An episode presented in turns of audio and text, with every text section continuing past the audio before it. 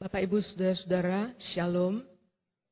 Kita bersyukur kita bisa beribadah lagi pada hari ini. Kita akan melanjutkan renungan firman kita sepanjang bulan ini kita membahas dari kitab Matius.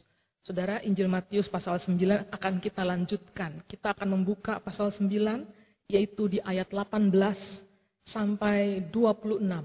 Suatu kisah yang sangat menarik sekali. Saya selalu bertanya-tanya ke setiap kali membaca bagian firman ini. Mengapa ada dua kisah dimasukkan di dalam satu frame? Biasanya kalau saya bikin drama, kalau orang bikin film, orang bikin cerita, biasanya satu cerita dari awal sampai habis. Tapi ini ada dua kisah. Seakan-akan ada dua aktor, ada dua problem, ada dua hal yang diselesaikan. Apakah ini cerita yang berbeda sama sekali dan tidak ada hubungannya? Saya rasa tidak demikian. Ini bukan kebetulan kenapa dua kisah ini dibuat menjadi satu scene atau satu frame. Tentu dengan tiga scene ya. Ada satu frame di dalam cerita ini terdiri dari dua kisah. Saya akan bacakan buat Bapak Ibu Saudara-saudara. Ayat 18 sampai 26. Sementara Yesus berbicara demikian kepada mereka, Datanglah seorang kepala rumah ibadat, lalu menyembah dia dan berkata, Anakku perempuan baru saja meninggal, tetapi datanglah dan letakkanlah tanganmu atasnya, maka ia akan hidup. Lalu Yesus pun bangunlah dan mengikuti orang itu bersama-sama dengan murid-muridnya. Pada waktu itu seorang perempuan yang sudah 12 tahun lamanya menderita pendarahan, maju mendekati Yesus dari belakang dan menjamah jumbai jubahnya. Karena katanya dalam hatinya, asalku jamah saja jubahnya, aku akan sembuh. Tetapi Yesus berpaling dan memandang dia serta berkata, Teguhkanlah hatimu, hai anakku, imanmu telah menyelamatkan engkau. Maka sejak saat itu sembuhlah perempuan itu. Ketika Yesus tiba di rumah kepala rumah ibadat itu dan melihat peniup-peniup seruling dan orang banyak ribut, berkatalah ia, pergilah karena anak ini tidak mati, tetapi tidur.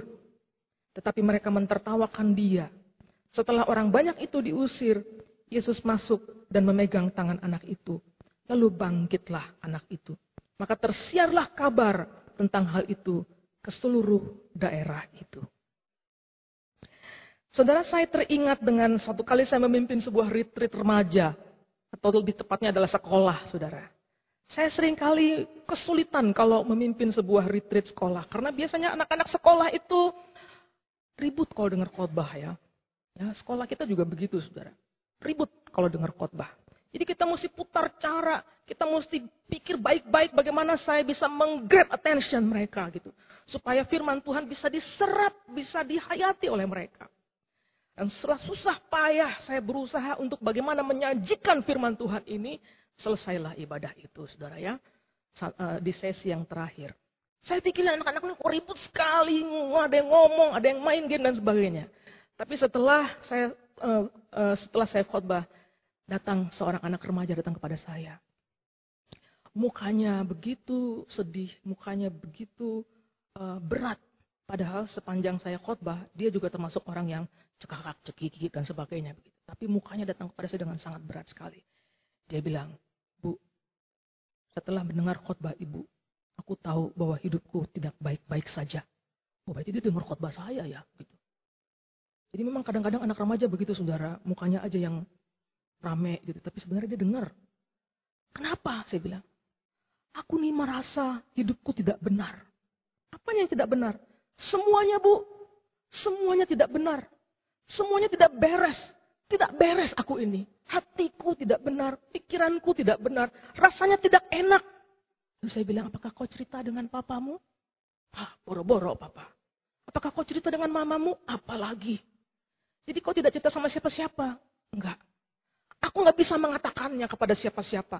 Tapi aku tahu hidupku tidak benar. Saudara dia tahu hidupnya tidak benar. Dan dia minta didoakan. Saya bilang kau harus datang kepada Tuhan dengan sungguh-sungguh. Dan dia mengaku aku datang pada Tuhan. Aku tahu aku punya masalah. Aku datang pada Tuhan. Ibu tolong doakan aku. Kita doa bersama-sama. Saudara, kalau kita lagi susah, kita datang pada siapa? Kalau kita merasa ada yang tidak beres dalam hidup kita, kita datang pada siapa? Kita cari pertolongan, kita cari pelarian, kita mengambil sesuatu aktivitas untuk mengalihkan permasalahan hidup kita. Anak ini tahu persis ketika dia punya masalah, dia merasa ada yang tidak beres dalam hidup dia. Firman Tuhan berbicara kepada dia dan dia datang kepada Tuhan. Saudara, inilah yang terjadi yang kita lihat di dalam kisah yang tadi kita baca. Seseorang datang kepada Tuhan. Hatinya gundah, hatinya begitu susah. Orang ini bukan orang sembarangan. Dia adalah seorang kepala rumah ibadat. Waktu dia datang kepada Yesus, dia langsung menyembah. Matius mengatakan dia menyembah dia. Tapi dalam Injil Markus bukan dikatakan menyembah, tapi tersungkur di kaki Tuhan. Jadi mungkin ini bukan satu penyembahan seperti satu penyembahan beribadah kepada kepada Kristus, tapi melainkan lebih kepada menghormati Tuhan. Menghormati bahwa dia adalah seorang nabi, seorang yang sangat penting, seorang yang kepadanya aku bisa memohon pertolongan. Itu yang dipikirkan oleh kepala rumah ibadat ini. Dan nampaknya memang Yesus juga menerima sikap itu. Yesus menerima sikap itu.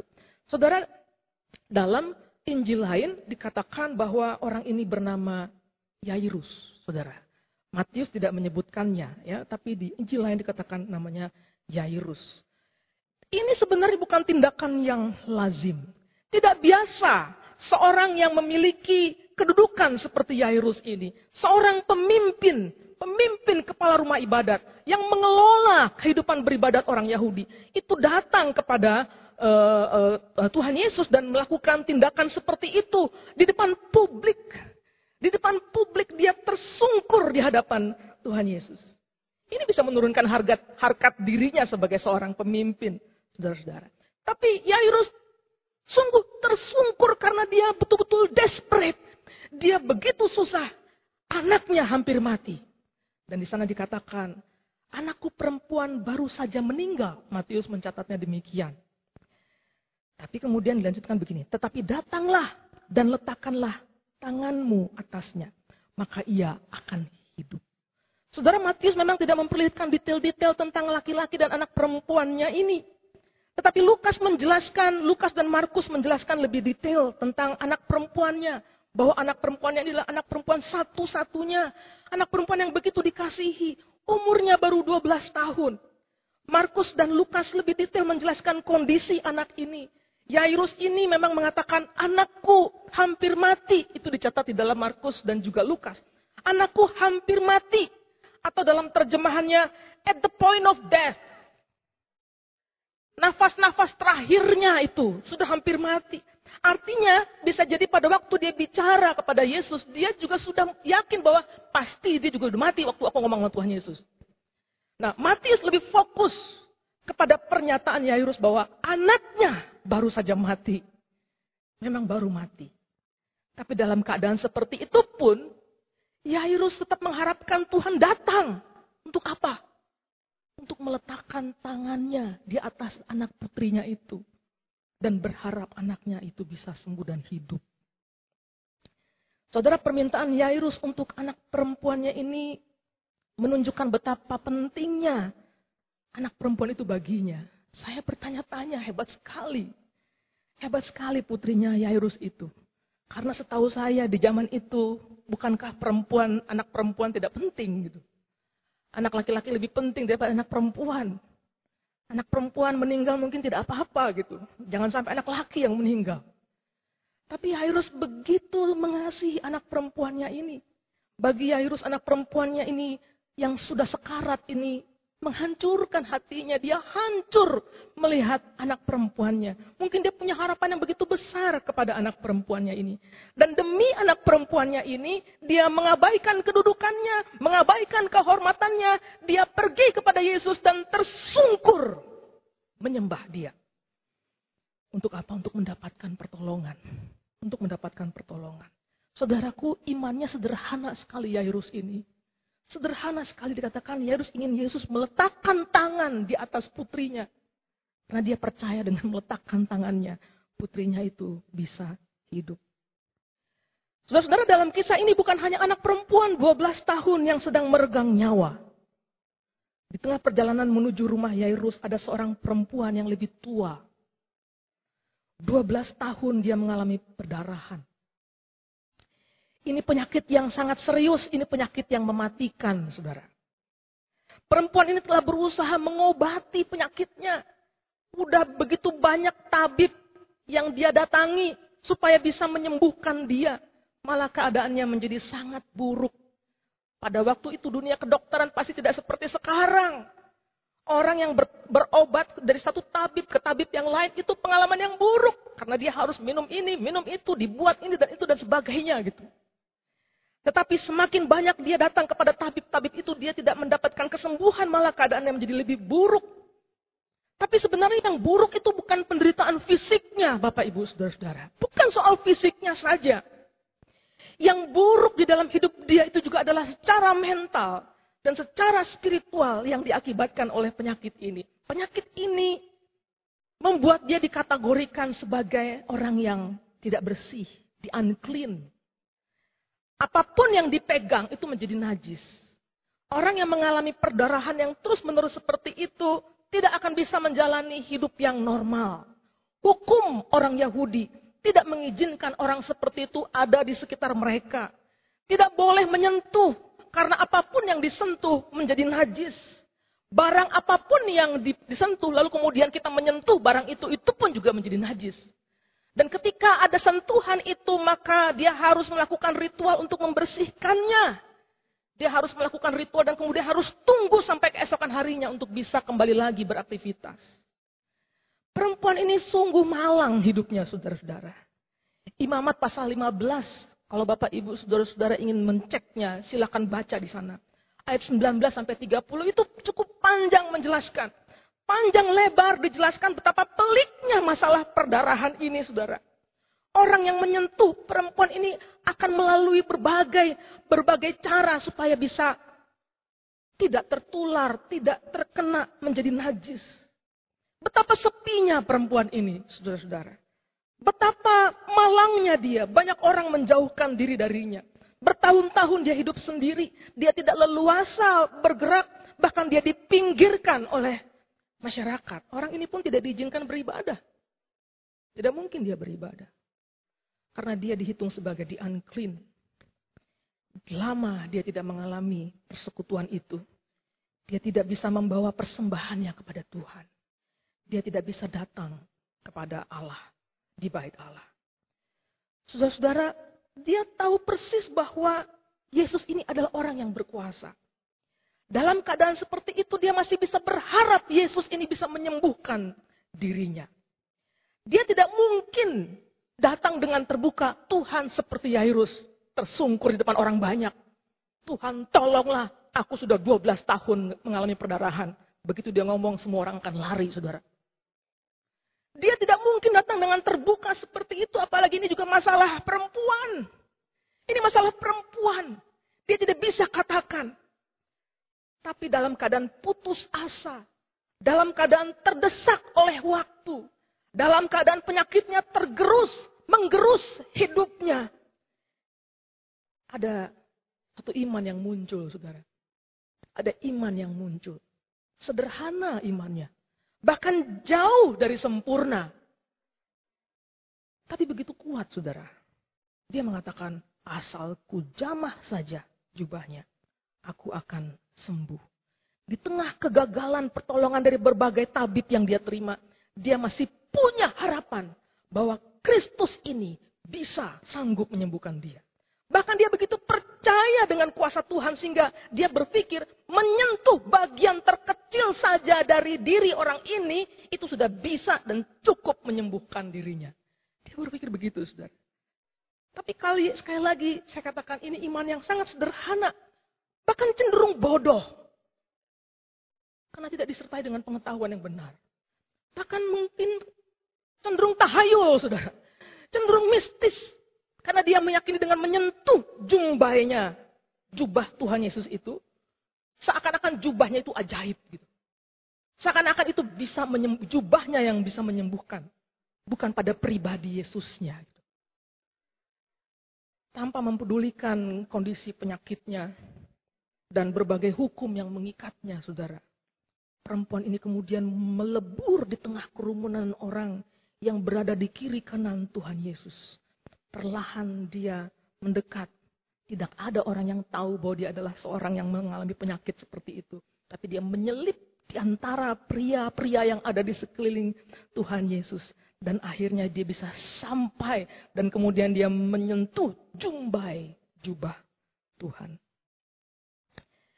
Saudara jumbai ini sebenarnya apa sih? Orang laki-laki Yahudi biasa pakai baju berlapis-lapis. Ada lapisan di dalam, ada lapisan luar. Nah jumbai ini ada di lapisan luar. Jumbai ini ada di empat sudut dari satu jubah. Lalu di ujungnya itu ada apa ya? Ada seperti eh, tali-tali yang seperti umbul. Kalau kita sebut kalau di apa toga kita itu disebut tassel. Disebut tassel yang kalau Bapak Ibu lihat orang uh, apa kalau wisuda dipindahkan itu tassel, itu jumbainya itu. Nah, saudara itu adalah hal yang umum dimiliki yang dipakai oleh orang Yahudi. Di dalam bilangan 15 dibicarakan tentang jumbai itu, tentang tesel itu. Tesel itu memang harus dipakai oleh orang untuk mengingatkan bahwa hukum Tuhan itu harus dilakukan. Setiap kali mengingat empat corner itu, empat sudut itu, empat tesel itu, maka orang Israel tahu bahwa dia harus menjalankan perintah Tuhan. Dan hukum Tuhan itu harus dijalankan dengan sepenuh hati. Nah buat perempuan ini, tesel itu ajaib. Dan dia berusaha menyentuh itu. Dan memang saudara, Perempuan itu berhasil menyentuh jumbai dari jubah Tuhan itu, tasal itu. Di Lukas dicatat seketika terjadi kontak yang begitu dahsyat dan misterius. Penulis Injil Lukas memang seorang dokter, dia lebih detail menjelaskannya dengan secara dramatik sekali. Bahwa seketika itu juga berhentilah perdarahannya. Kata Lukas. Berhenti langsung.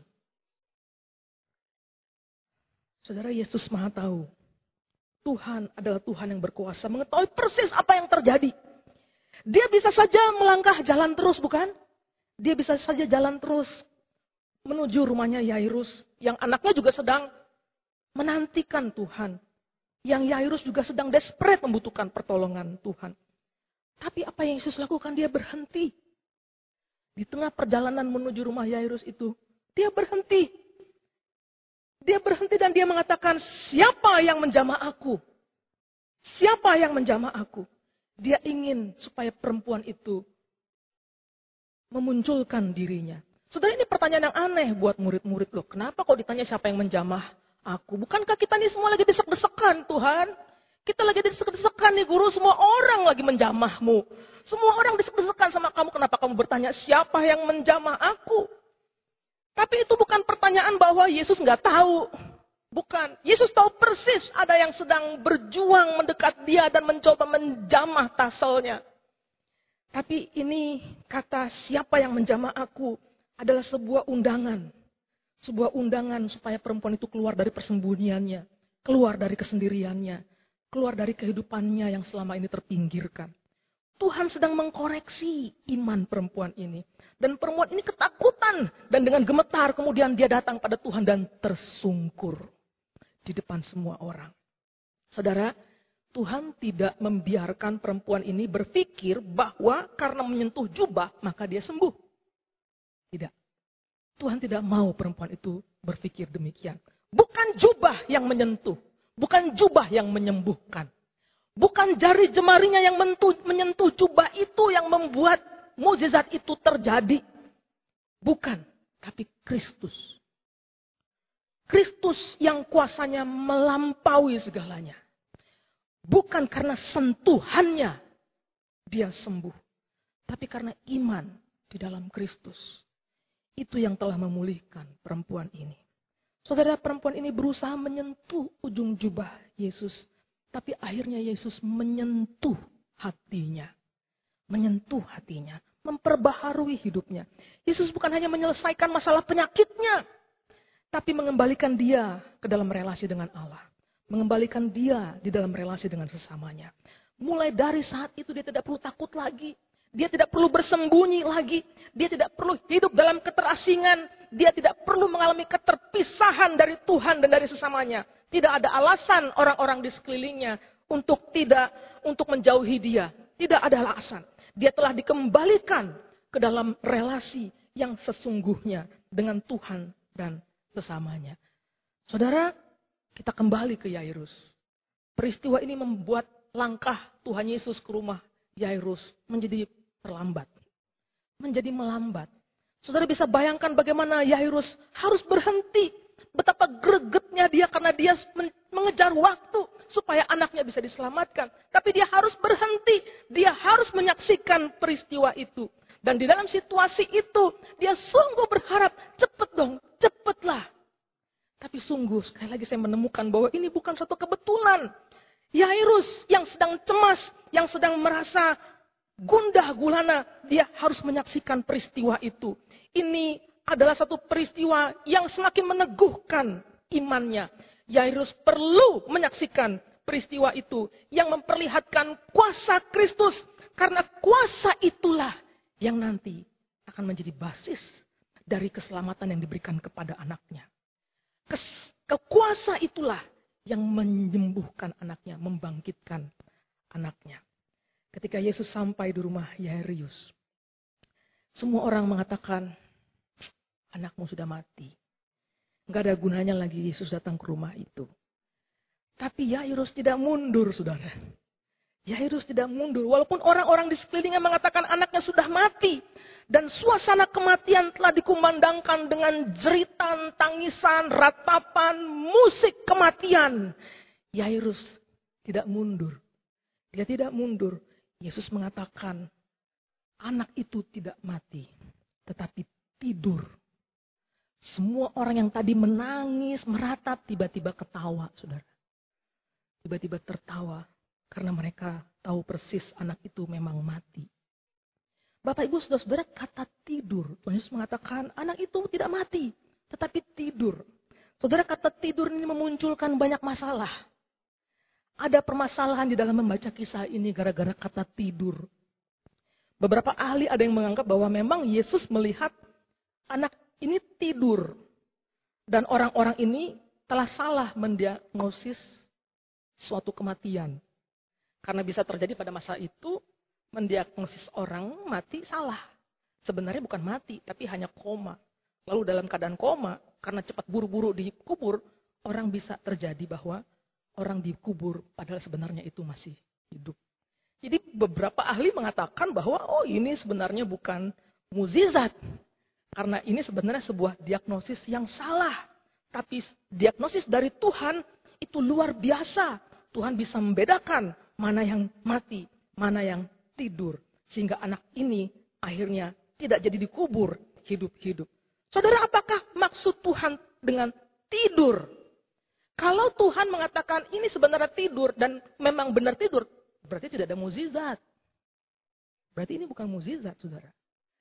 Tapi ketika Tuhan mengatakan tidur, bukan mati, harusnya tidak dibaca sebagai tidur.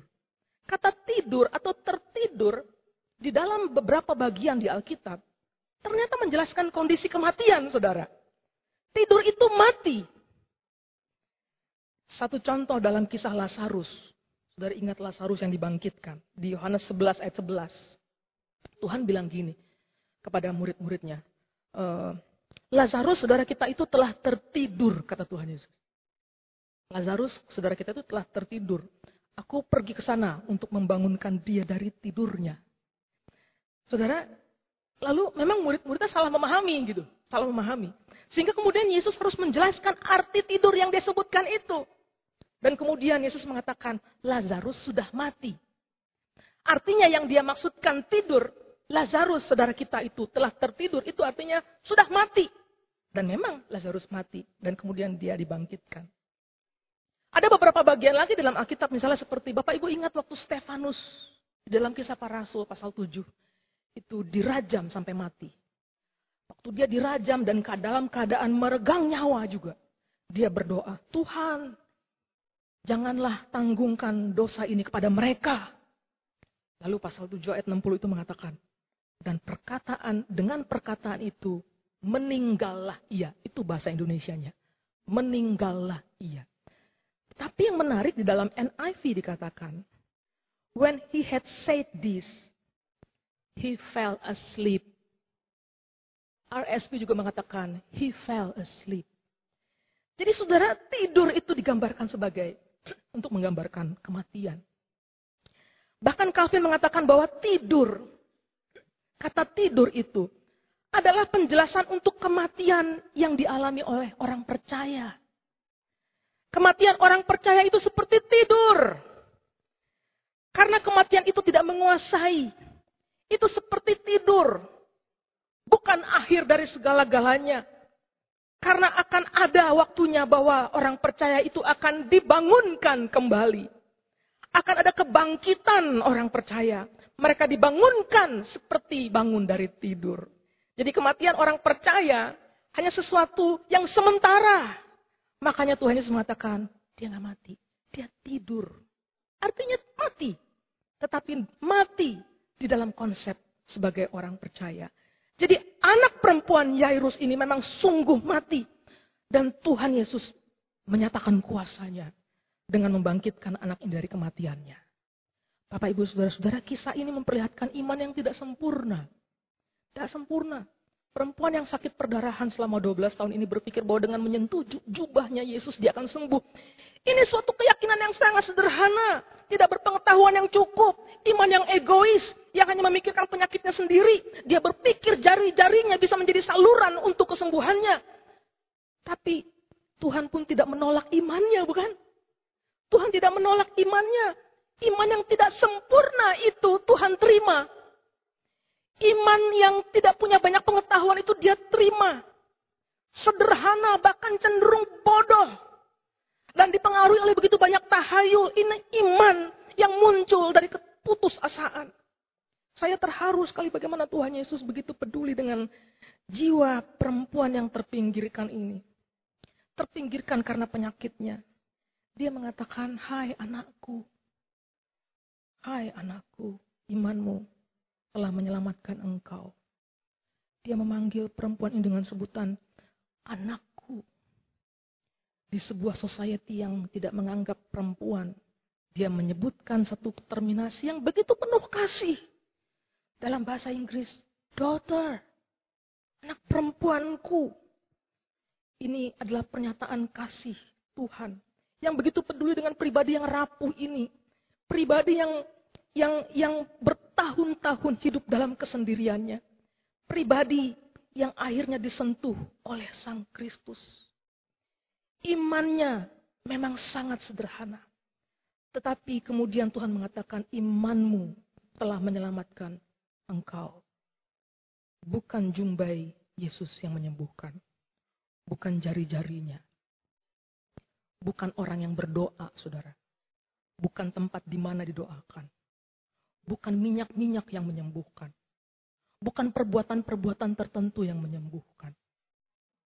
Tapi kuasa Kristus yang menyembuhkan. Pribadi Yesus yang berkuasa. Saudara, sebulan ini kita telah melihat pribadi Kristus yang berkuasa dia berkuasa atas segala penyakit. Dia berkuasa atas alam semesta. Dia berkuasa atas kehidupan kita. Dia berkuasa atas kuasa-kuasa yang lain, saudara. Dia mengganti hidup kita yang lama menjadi baru. Hari ini kita melihat bahwa dia juga berkuasa dalam hidup kita. Hidup kita yang kecil ini. Pribadi lepas pribadi. Dia berkuasa atas hidupmu. Hidup pribadi kita. Dia memang berkuasa atas alam raya yang besar ini. Tapi dia juga memperhatikan kita yang kecil ini. Kita yang kecil ini dia perhatikan. Dia peduli. Saudara, dia juga pribadi yang berkuasa atas kematian. Sehingga kita tidak perlu meragukan atau ketakutan dengan kematian. Karena dia berkuasa. Minggu lalu uncle saya yang paling tua, satu-satunya uncle saya yang saya kasihi, umurnya sudah 93 tahun. Dialah satu-satunya angkel saya yang menghubungkan saya dengan almarhum papi saya. Jatuh sakit 93 tahun. Dan kemudian saya diminta datang untuk mendoakan. Saya berdoa untuk dia, dia tidak bisa berbuat apa-apa, sudah lemah sekali. Walaupun ketika saya membacakan Mazmur 23, tiba-tiba dia melek. Oh, itu itu ayat favorit saya, dia bilang begitu. Waktu saya berdoa, berdoa, berdoa, dan dia tertidur, dia tidak mendengar doa saya sampai habis, saudara. Ini tertidur betulan, bukan tertidur meninggal, bukan. Tertidur betulan, ya. Saya dia sudah tertidur, kemudian beberapa hari yang lalu saya dengar dia uh, sudah pulang lagi uh, ke rumah. Saudara, saya berusaha meyakinkan angkal saya, jangan pernah takut sama kematian. Jangan pernah takut sama kematian. Karena Kristus berkuasa atas kematian. Amin, saudara. Kita menghadapi banyak kematian. Orang tua kita bisa pergi. Saudara kita satu persatu akan pergi. Sahabat kita bisa dijemput Tuhan. Anak kita sekalipun bisa jadi suatu saat lebih dulu pergi daripada kita. Tetapi kita tidak perlu takut. Karena dia berkuasa atas kematian. Kalau Kristus adalah pribadi yang berkuasa atas segala-galanya, maka dia cukup buat kita. Kalau dia adalah pribadi yang berkuasa atas segala-galanya, maka Kristus adalah segala-galanya buat kita. Kristus adalah segala-galanya buat kita. Kalau hari ini Bapak Ibu Saudara-saudara ada di antara kita yang merasa sendirian. Saudara merasa mendapat tidak mendapatkan pertolongan. Anda mungkin merasa seperti perempuan yang sakit perdarahan 12 tahun ini. Mengalami sakit penyakit bertahun-tahun. Bergumul dalam permasalahan yang pelik bertahun-tahun. Anda merasa tidak ada yang bisa menolong. Segala upaya sudah dilakukan tapi tidak berhasil. Biarlah firman Tuhan hari ini meneguhkan kita kembali. Untuk datang pada Tuhan. Sujud pada Kristus. Karena dialah satu-satu satu-satunya pribadi yang berkuasa atas hidup kita. Punya dialah hidup kita. Maka saudara-saudara saya tutup khotbah saya ini dengan dua pertanyaan untuk kita renungkan. Dua pertanyaan yang perlu kita renungkan. Yang pertama saudara, apakah yang sering kali membuat Anda tidak datang pada Kristus pada waktu Anda susah atau Anda membutuhkan pertolongan? Mengapa saudara kita tidak langsung datang pada Tuhan? Apa yang membuat kita tidak datang langsung kepada Dia? Kenapa kita tunda? Kenapa kita mengurungkan niat kita? Padahal kita tahu Dia yang paling berkuasa. Ini pertanyaan pertama yang perlu kita pikirkan. Apakah yang sering kali membuat Anda tidak langsung datang pada Kristus dalam mengatasi masalah hidup Anda? Yang kedua, saudara, mari kita merenungkan baik-baik. Apakah arti kuasa Kristus di dalam hidup kita. Apakah arti kuasa Kristus di dalam hidup kita? Sebulan ini kita sudah dibukakan dengan kuasa Kristus yang hebat itu. Tapi apa itu artinya bagi pribadi kita? Di masa land season ini, masa di mana kita memasuki minggu-minggu sengsara, merenungkan kembali sengsara Tuhan bagi hidup kita. Dia yang berkuasa itu tidak memakai kuasanya untuk dirinya sendiri. Dia yang berkuasa itu tidak memakai kuasanya untuk memegahkan dirinya. Tetapi dia memakai kuasanya untuk menyelamatkan kita semua. Mari kita bertanya pada diri kita, apa artinya kuasa Kristus bagi diri kita pribadi? Mari kita berdoa.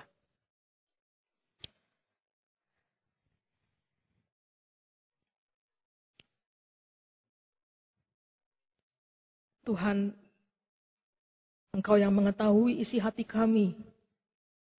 Walaupun Engkau bisa mengendalikan badai yang hebat di alam semesta ini. Tapi Engkau sesungguhnya juga bisa mengendalikan badai dalam hati kami. Engkau melihat kepada kedalaman hati kami. Bahkan lebih paham daripada kami mengerti diri kami sendiri. Kami datang padamu tersungkur di hadapan Tuhan.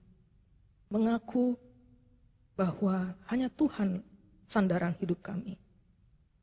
Iman kami hanya terpaut kepada Tuhan dan tidak yang lain. Hari ini ya Bapak, kalau ada di antara kami yang sedang mengalami pergumulan yang berat, sudah berusaha banyak hal, cari pertolongan sana sini, berusaha ini itu, tapi tidak pernah berhasil. Hari ini biarlah kami datang kepada Tuhan, tersungkur di hadapanmu, memohon pertolongan Tuhan karena hanya Tuhan yang memiliki hidup kami dan berkuasa atas hidup kami. Dengan itulah kami bisa berjalan dengan berani. Kami berdoa dalam nama Tuhan Yesus. Amin.